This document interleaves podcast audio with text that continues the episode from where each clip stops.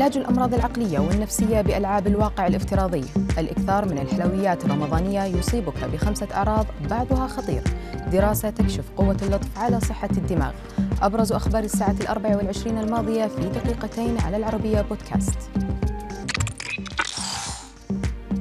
ألعاب الواقع الافتراضي يمكن أن تساعد في علاج أمراض عقلية ونفسية.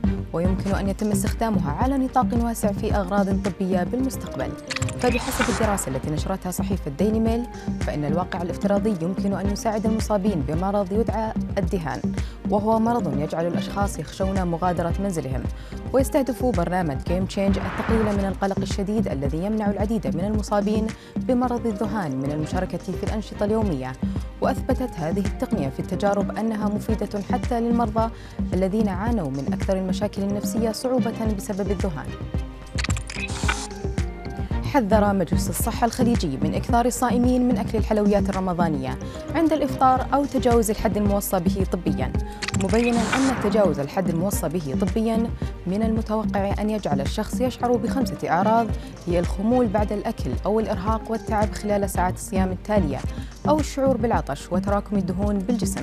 إضافة إلى ارتفاع نسبة السكر بالدم وأكد ضرورة اتباع الصائم لنظام صحي متوازن ومتنوع خلال فترة الإفطار والسحور والتقليل من استهلاك الحلويات خاصة أثناء وجبة الإفطار أو بعدها مباشرة لتجنب تلك الأعراض. أظهرت الأبحاث أن اللطف والطيبة لدى الإنسان لا يؤثران فقط على مشاعر المتلقي بل يمكن أن يكون لهما تأثير إيجابي على صحة دماغ الأسرة بأكملها. فريق متعدد التخصصات من الباحثين والأطباء من مركز صحة الدماغ بجامعة تكساس في دالاس. وجدوا أن الآباء أكثر مرونة وأن الأطفال في سن ما قبل المدرسة أكثر تعاطفا بعد التدريب على اللطف. كما أن اللطف يمكن أن يؤثر على الوظيفة الإدراكية وصحة الدماغ بشكل عام ومضادا للإجهاد ويخفض الضغط وقد تمتد أثار اللطف إلى أبعد من العائلات. ليس فقط للآباء والأسر ولكن للمجتمع بأكمله.